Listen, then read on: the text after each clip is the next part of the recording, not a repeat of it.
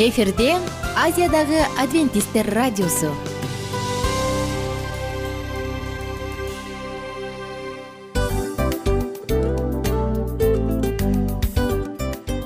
Достор салют. Баардык сүйүктүү угармандарыбызга салам айтабыз. Кутман күнүңүздөр менен. Ден соолук өмүрдүн булагы демекчи саламат саамы программасында баарыңыздарды көргөнүбүзгө абдан кубанычтабыз. Анда алгач амандашып өтөлү арбаңыздар деп. Ден соолугуңуздар кандай элибизде көбүнчө ден соолук кандай дегенде эле жакшы деп жооп беребиз э? ооруп турсак дагы жакшы дейбиз. Анан мен муну айтып ойлойт элем бул абдан сонун сөз депчи анткени бул жакшы деген үмүт да э ооба баары жакшы болот. Баары сонун. Деп үмүттөнүп атып эле өзүбүздү өзүбүз дарылап коебуз.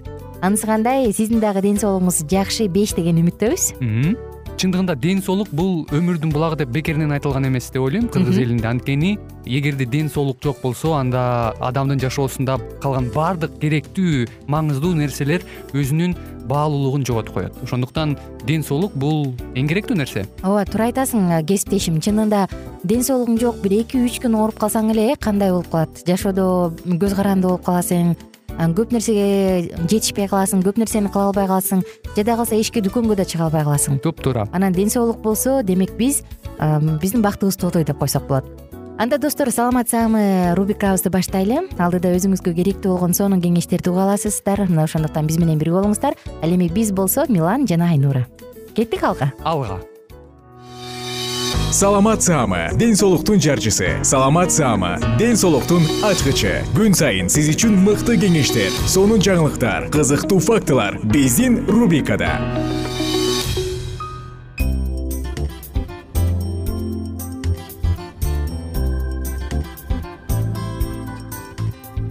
Салам достор. Сүйүктүү угармандар кайрадан биздин программабызга куш келипсиздер. Эфирде мен милан жана менин кесиптешим айнура сиздерге саламат саамы программасында ар кандай кызыктуу фактылар менен бөлүшкөнгө даярбыз. Салют достор. Сиздер менен кайрадан амандашканыбызга кубанычтабыз. Милан кандай ден соолук жакшыбы? Ден соолугум беш сенин чуркап калганыңды көп э, угуп угуп калып кулак чалып калып анан бүгүн чуркоо жөнүндө сөз кылалы деп турабыз. Ооба анда келиңиздер. Деги эле чуркайсызбы? Эмне үчүн чуркаш керек? Чуркаш керекпи бул тууралуу бүгүнкү уктуруудан кененирээк биле аласыз негизи чуркоо бүгүн абдан популярдуу дүйнөдө жана биздин кыргызстан дагы четте калган жок. Бишкекте ар кандай марафондор өткөрүлөт ар кандай бүгүн шаарыбызда тротуарлар жасалып жатат парктар жасалып жатат. Анан мурункуга караганда он беш жыл мурункуга караганда бүгүн албетте айымдар эркектер жаштар көбүнчөсүн бүгүн шаарда жүгүрүп атканын көрсөң болот. Бул абдан жакшы тренд абдан жакшы көрүнүш деп ойлойм бирок ошол э, жүгүрүүнүн кандай жакшы жактары бар? Бүгүн ошол жөнүндө кеп курмакчыбыз. Негизи жүгүрүү бул эң эле баарыбызга баардыгыбыздын колубузда бар болгон нерсе. Буга эч кандай акча кереги жок эч кандай акчанын кереги жок эч кандай залга баргандын кереги жок. Болгону гана ыңгайлуу жана жумшак бут кийим жылуу кийим. Э, эгерде кышында болсо жайында болсо мындай ыңгайлуу мындай спорттук кийимди кийип алып жүгүрсөк эң эле сонун негизи чуркоо пайдалуу дегенде мен ойлойм угармандарыбыздын баардыгы эле ооба пайдалуу деп айтат болуш керек. Бул сергек жашоо образынын бирден бир сонун принциби анан сенден сурай кетейинчи чуркайсыңбы негизи? Ооба албетте мен э, жумасына үч жолу чуркайм үч жолу анан ошол үч жолу жүгүрүп жок дегенде күн сайын болбосо дагы жумасына эки үч жолу жүгүргөнгө аракет кылам. Анткени баягы өзүмдүн денемди тонуста кармаш үчүн жана ошол э, мындай жүгүрүүгө ыңгай мындай э, жүгүрүү жөндөмдүүлүгүн унутпастан жакшылап өзүмдү кармап туруш үчүн. Жакшы. Негизи чуркоо биз мурунку уктурууларда сасык тумоо жөнүндө айтып өткөнбүз э? Кыймылдуу жашоо же болбосо чуркоо ден соолукту бекемдеп иммунитетти бекемдейт деп. Демек чуркоонун бирден бир пайдалуу жагы бул иммунитетти бекемдейт десек жаңылышпайбыз. Э, андан сырткары чуркоого эмне керек дегенде эле эң биринчиси каалоо керек экен. Көбүнчө ой чуркай албайм же ой уялам десеңиз анда элдердин чуркаган жагындагы ушундай ылайыктуу территорияны таап алып туруп анан эртең менен же кечкисин ыңгайлуу учурда алсаңыз болот. Окумуштуулардын айтымы боюнча бул диетологдордун спортсмендердин айтуусу боюнча чуркоого ыңгайлуу учур бул эртең мененкиси дешет чындыгында көбүнчө адамдар айтат го эртең менен кечинде жатаарда жакшы эле туруп жүгүрөйүн дейм анан эртең менен эле шалдырап калдырап калам дейт э? Анан көбүнчө адамдар албетте мен ушул түшүнүп турам барып жүгүрүш керек экенин бирок денем каршы болуп атат деп айтышат. Бирок чындыгында бунун өзүнүн себептери бар.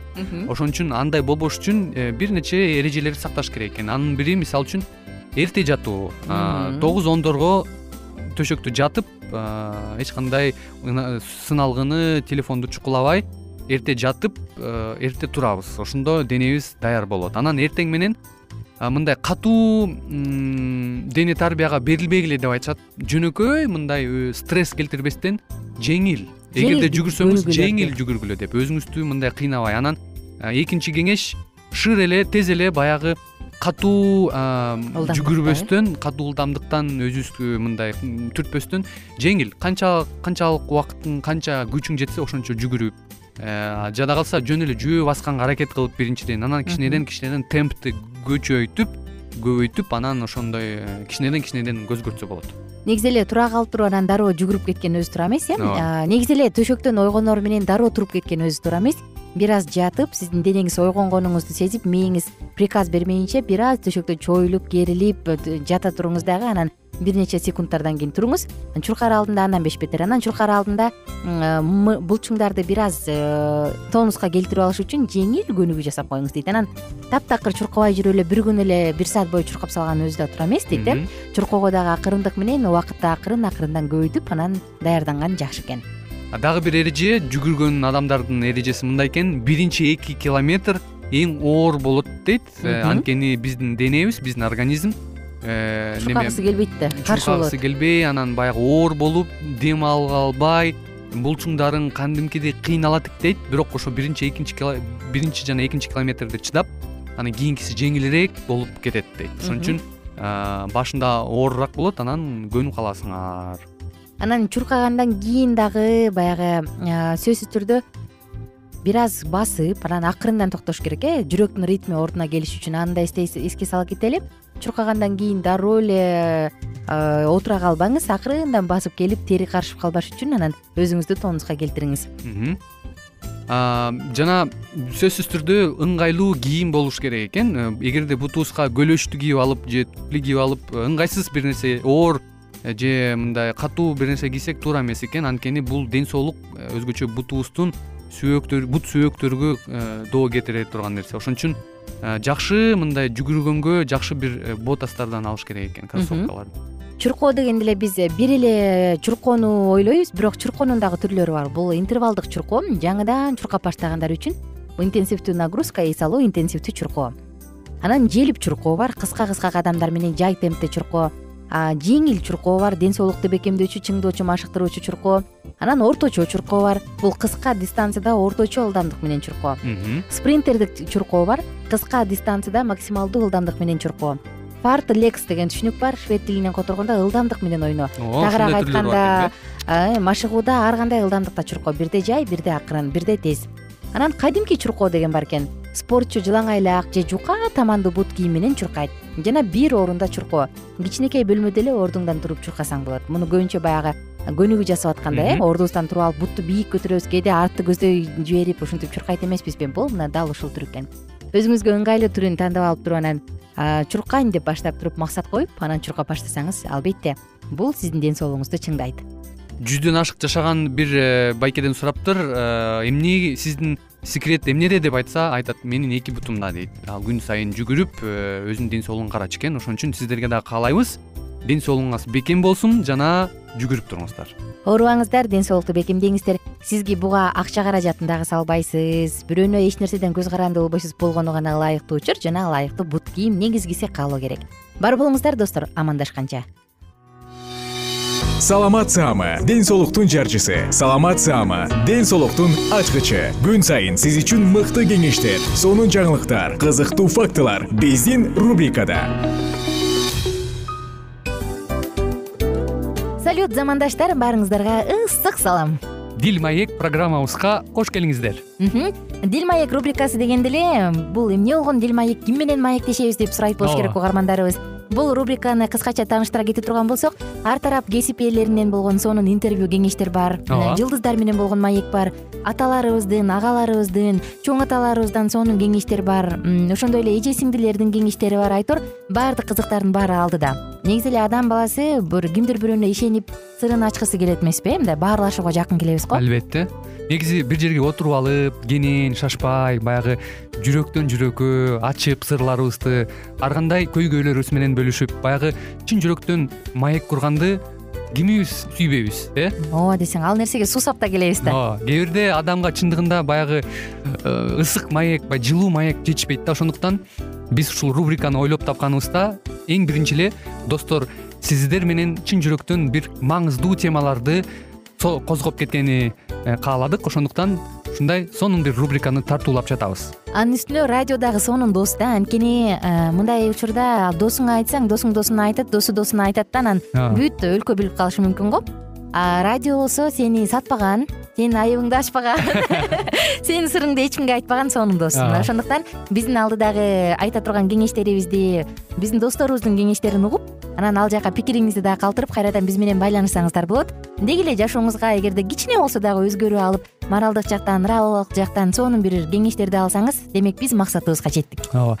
Чыңгыз атабыз улуу жазуучу э, чыңгыз айтматов айткандай адам болуу бул күнүмдүк процесс экен. Күн сайын адам бойдон калуу бул адамзатка эң эле кыйын дейт э? э эң кыйын дейт. Чындыгында бунун негизинде адамдын эң баягы сапаттуулугу адамдын э, адамгерчилиги жана көптөгөн керектүү нерселер.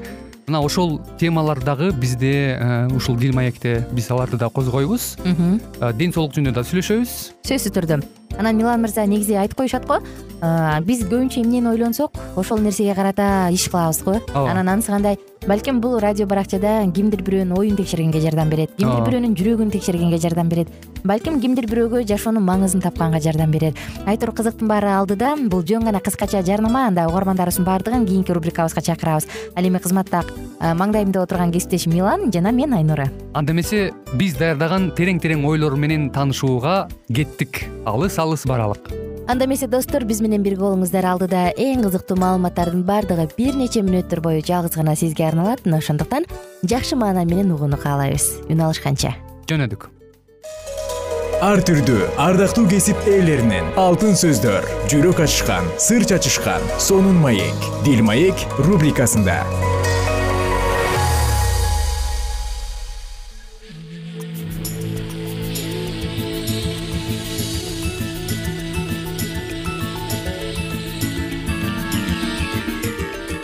саламатсыздарбы кымбаттуу радио угармандарыбыз. Кайрадан эле сиздердин назарыңыздарда бактылуу никенин баалуу эрежелери аттуу программабызда кездешип жатканыбызга өтө кубанычтабыз.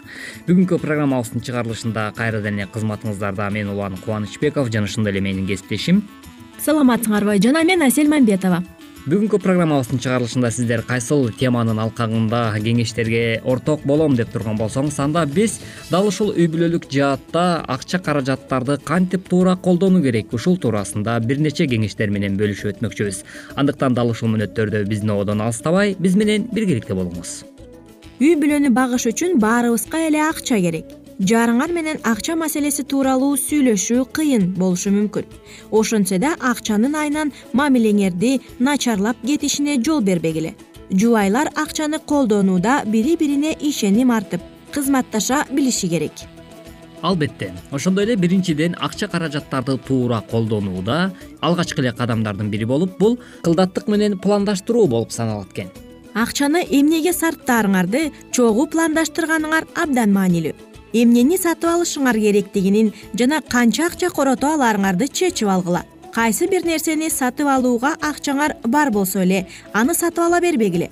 Чөнтөгүңөргө жараша иш кылып карыз албаганга аракет кылгыла чынында эле үй бүлөлүк жаатта алып караганда дал ушул акча каражаттарды сарам жалдуулуулук менен пайдаланууда сөзсүз түрдө аял менен эркек биргелешип э, туура пландаштыруусу абдан зарыл болуп саналат эмеспи. Андыктан бул нерселерди дагы эске алуу ар бир эле үй бүлөнүн алгачкы бир максаттары болуп саналышы керек экен. Демек бул нерселерди сөзсүз түрдө жашооңузда колдонгонго аракет кыласыз деген үмүт менен биз программабыздын кийинки бөлүгүн улантмакчыбыз адатта бул жаатта эмнелерди кылсаңар жакшыраак болот. Ушул туурасында дагы айтып өтөлү. Айдын аягында акчаңар артып калса аны эмне кылаарыңарды чечип алгыла. Ал эми акчаңар жетпей калса чыгымдарыңарды азайтыш үчүн эмне кылсаңар болоорун ойлонуштургула мисалы тамакты сатып алгандан көрө өзүңөр жасап жегениңер оң. Бул биринчиден үй бүлө бюджетине залакасын тийгизбейт. Экинчиден сиз дайыма жаңы тамак жейсиңер сөзсүз түрдө мына ушундай нерселерди дагы эске алып койгонуңуз абдан ашыктык кылбайт экен. Ал эми экинчиден бири бириңер менен э, кеңешип иш кылганыңар дагы абдан жакшы натыйжасын берет экен жарыңарга канча тапканыңарды жана канча коротконуңарды ачык айткыла. Акчага байланыштуу маанилүү чечим чыгараарда дайыма жубайыңар менен кеңешкиле бул тууралуу сүйлөшүп турганыңар чыр чатактан оолак болууга жардам берет тапкан акчаңарды өзүңөрдүкү эмес үй бүлөңөрдүкү деп эсептегиле сөзсүз түрдө адатта кээ бир үй бүлөлөр мисалы ошол финансылык каражаттарды колдонууда мисалы э, кээ бир учурда мен угуп калам да кээде баягы аялдар эле баардыгын алып алып эле анан күйөөлөрүнө бербей калган да учур болот экен. Ал эми тескерисинче ошол эле э, айымдарга бербестен мырзалар дагы э, тапкан ташыган акчанын баардыгын өзү алып алып эле келинчегине дагы көрсөтпөстөн өзү каалагандай колдонгон да учурлар болот экен. Бирок бул нерсе эч убакта туура эмес экен. Эгерде биз ушундай нерсе кыла турган болсок анда бул никелик жашоонун талкаланышына дагы алып келип калышы толугу менен мүмкүн.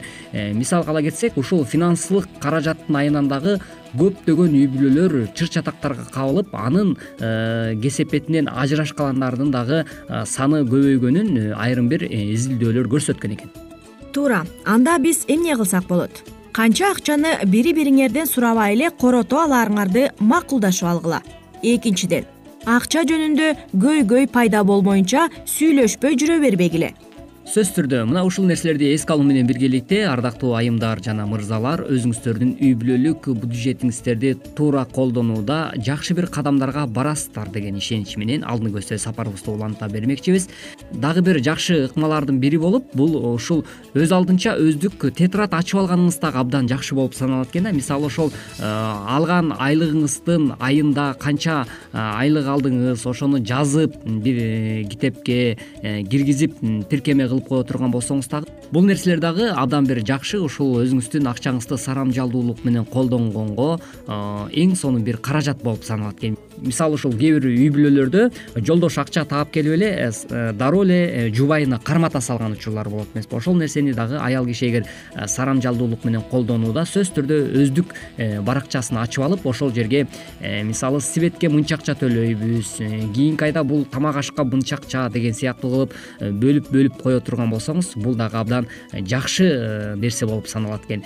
Ошондо биз билет экенбиз. Айдын аягында канча сумма коротконубузду жана бул нерселерди дагы туура жөнгө салганга бир жакшы ыкмалардын бири болуп саналат экен. Андыктан ушул нерселерди дагы сөзсүз түрдө колдонсоңуз болот мындан сырткары дагы мен бир китептен окуганыма караганда мисалы бизнес чөйрөсүндөгү өкүлдөр ошол ишкерлер көбүн эсе мындай ыкманы колдонушат экен да. Мисалы ар бир алган айлыгын э, конверттерге салып анан э, ал нерсенин сыртына ушул сарптай турчу нерселерди атайын жазып коет экен да ушундай э, ыкмаларды колдонуу аркылуу акча каражатын туура пайдаланганга аракет кылышат экен. Ушул ыкманы дагы э, сөзсүз түрдө жашооңузда колдоно турган болсоңуз анда сиз э, үй бүлөлүк каражатты туура колдонгон болот экенсиз. Андан сырткары акчага болгон көз карашыбыз кандай? Акча канчалык маанилүү болсо да анын айынан ашыкча тынчсыздануудан же никеңерге зыян келтирип алуудан сак болгула бактылуу болуш үчүн сөзсүз эле чөнтөк калың болушу керек эмес. Акчага келе турган бир нерсе үй бүлөдөн баалуу боло албайт. Ошондуктан колуңарда болгонуна ыраазы болгонду үйрөнгүлө эгерде ошентсеңер үй бүлөңөр бактылуу болуп көптөгөн чыр чатактарды алдын аласыңар сөзсүз түрдө ошондуктан эл арасында айтылып келе жаткан дагы жакшы бир кеп бар эмеспи. Мисалы бул акча колдун кири деп коет бүгүн бар эртең жок. Ошондуктан акча эч убакта бизди бактылуу кыла албайт экен. Ал эми мындан аркы сапарыбыздын бөлүгүн улантсак финансы каражатын туура пайдалануу жаатында дагы ойлонуп көргөнүңөр абдан зарыл экен. Карыз албаш үчүн үй бүлөбүз менен эмне кылсак болот? Жарым менен акча тууралуу акыркы жолу качан ачык сүйлөштүм эле деп өзүңүзгө суроо салсаңыз болот мына ушул нерселерди эске алуу менен биргеликте өзүңүздүн үй бүлөлүк бюджетиңизди туура пайдаланууда сөзсүз түрдө ушул бүгүнкү айтылган ар бир кеңештерди жашооңузда туура колдонгонго аракеттене бериңиз деген тилек менен бизге бөлүнгөн убактыбыз дагы өз соңуна келип жетти. Кайрадан эле биз сиздер менен эмки уктуруудан дал ушул аба толкундан үн алышканча сак саламатта болуңуз ар түрдүү ардактуу кесип ээлеринен алтын сөздөр жүрөк ачышкан сыр чачышкан сонун маек дил маек рубрикасында. Жан дүйнөңдү байыткан жүрөгүңдү азыктанткан жашооңо маңыз тартуулаган жан азык рубрикасы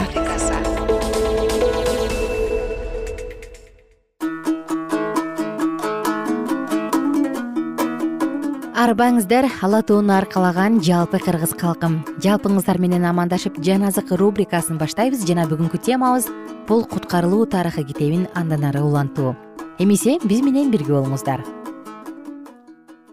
Кудай сотунун алдында. Асман падышалыгынын көрсөтмөлөрүн бузгандыктары үчүн айыпталып жатышкан адилетсиз адамдардын баардыгы кудайдын сотунун алдында турушат. Алардын жактоочусу да жок алар эч нерсе менен актана алышпайт. Аларга түбөлүк өлүм үчүн өкүм жазасы чыгарылган.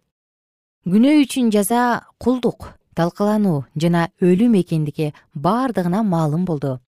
Адилетсиз адамдар өз каршылыкмалагылынан эмнеден ажырашкандыгын көрүп турушту. Алар сунушталган түбөлүктүү өмүрдөн баш тартышкан эми алар түбөлүк өмүрдү канчалык туука каалап жатышат. Өлүмгө дуушар болгон күнөөкөр ушунун бардыгына мен ээ болмокмун бирок мен алардан баш тартпадымбы? дешип озондоп жатышты. О көзүмдү кандай көр басты мен бакытты тынчтыкты жана абийирди көңүл калууга бактысыздыкка жана маскаралыкка алмаштым. Аларды түбөлүктүү падышалыкка киргизбей койгондук адилеттик экендигин бардыгы түшүнүп турушту. Алар өз жашоолорунда биз ыйса машаяк бизге падыша болгонун каалабайбыз деп турушкан. Кудайдын куткаруучу машаягы падыша болуп жаткандыгын адилетсиздер айласыз кароого мажбур.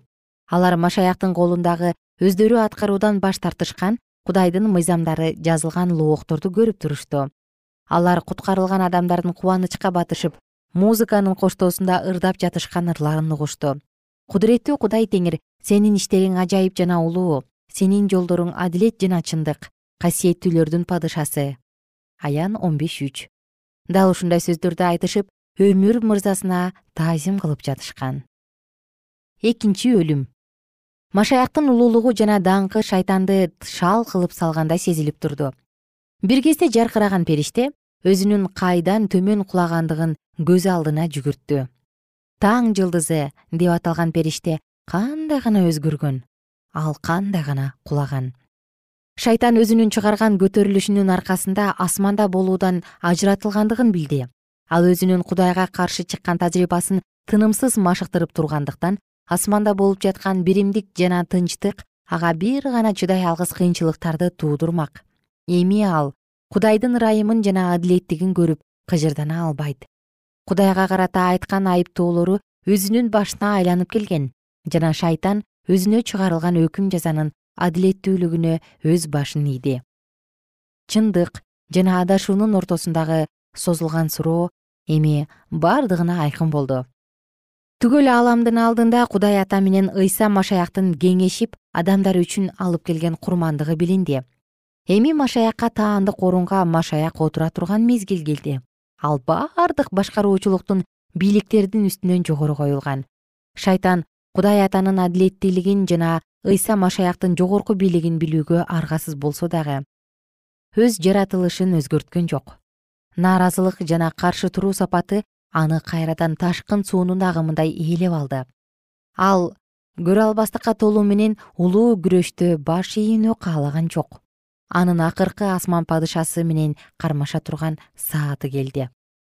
Ал өзүнүн түмөндөгөн жактоочуларынын аркасына кирип арасына аларды тезинен согушка чыгууга жандандыра баштады. Бирок анын миллиондеген жактоочулары анын бийлигин кабыл алгылары келбеди. Шайтандын башкаруучулугунун акыры келип жетти. Адилетсиздер шайтан сыяктуу эле кудайды жек көрүүгө толуп турушса дагы алар кудайды жеңе албастыгын билип турушту шайтанга жана анын шабырларына каарданышкан адилетсиздер аларга каршы чыгышып кан төгүү башталды ошондо ишая пайгамбар айткан пайгамбарлык ордунан келип чыккан. Анткени теңирдин каары бардык элдерге каршы анын жаалы алардын бүт жамаатына карайт. Ал аларды каргышка калтырды. Аларды муздоого белгиледи. Ышая отуз төртүнчү бап экинчи аят. Ал адилетсиз адамдарга күйүп турган таштарды жамгыр кылып жаадырат. Жана куйкалаган ысык шамал аларга ыйгарылган чөйчөк. Забур китеби он биринчи бап алтынчы аятта жазылган кудайдан асмандан от жаады жер жарылып жердин түпкүрүнөн куйкалоочу чоктор атып чыкты. Жада калса аска таш темир сыяктуу эрип кетти. Мешти алоолонгон кыямат күн келе жатат. Малахия төрт бир. Табигый көрүнүштөр жалындап жер жана анын үстүндөгү нерселердин баары өрттөлөт. Экинчи петр үчүнчү бап онунчу аят жер үстүн чок басып күйүп жаткан көлгө айланды. Кыямат кайым жана адилетсиздердин өлө турган мезгили келди. Анткени теңирдин кек ала турган күнү сион үчүн жазалай турган күнү келди. Ышая китеби отуз төртүнчү бап сегизинчи аятта жазылган. Адилетсиздер жер үстүндө өз ала турган энчилерин алды. Мына мештей алоолонгон кыямат күн келе жатат. Ошондо бардык текеберлер менен арамза иш кылгандар самандай дүрт тутанып келе жаткан кыямат күндүн отуна куйкаланат дейт ааламдын теңири. Малахия китеби төрт бир. Кээ бири бир заматта күйүп жок болушса кээ бири көптөгөн күндөр куйкаланып кыйналышат. Бардык жаза өз кылган иштерине жараша. Адилеттүү адамдардын күнөөсү күнөөнүн башчысы болгон шайтанга жүктөлгөн. Жана кудайдын элине жасаган жамандыгы үчүн ал өз жазасын алат ал бардыгынан көп күйдү. Адилетсиздердин баары куйкаланып жок болушса дагы ал дагы азап тартып күйө берет. Тазалоочу өрт менен жамандыктын тамыры болгон шайтан жана анын бутактары болгон анын периштелери жана адилетсиз адамдар күйүп жок болушту. Кудайдын адилеттиги өз максатын аткарды. Куткарылгандар жана түгөл асмандагылар жаңырык үндөр менен омин деп жатышты качан жерди жок кылып жалмап кетүүчү от каптаганда адилеттүү адамдар ыйык шаарда коопсуз болушкан. Биринчи тирилүүгө катышкандардын үстүнөн өлүм экинчи бийлик кыла албайт. Аян жыйырма алты. Эгерде адилетсиз адамдар күчүн күү кудай жалмап кетүүчү от боло турган болсо өз эли үчүн ал тийип турган күн жана коргоп турган калкан. Забур сексен төртүнчү бап он биринчи аят достор сиздер менен убактылуу коштошобуз жана кийинки уктуруудан үн алышканча сак саламатта туруңуздар.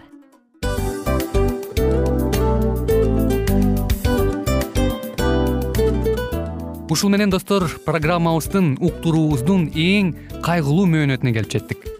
Кайгылуу дегенде ыйлагым келип кетти кесиптеш. Кадимкидей. Анткени баягы учурашасың анан коштошуу учур келгенде ии кантип ии эми эми бат баттан келиптир э сагындырбай деп атып араң коштошобуз го анысы кандай? Угармандарыбыз менен коштошчу учур келди. Кийинки уктурууларды сагыныч менен жүрөгүбүздө кусалык менен күтөбүз жалпыңыздарды анан жарым сааттык уктуруу көз ачыш умганча өтүп кетти? Сөзсүз.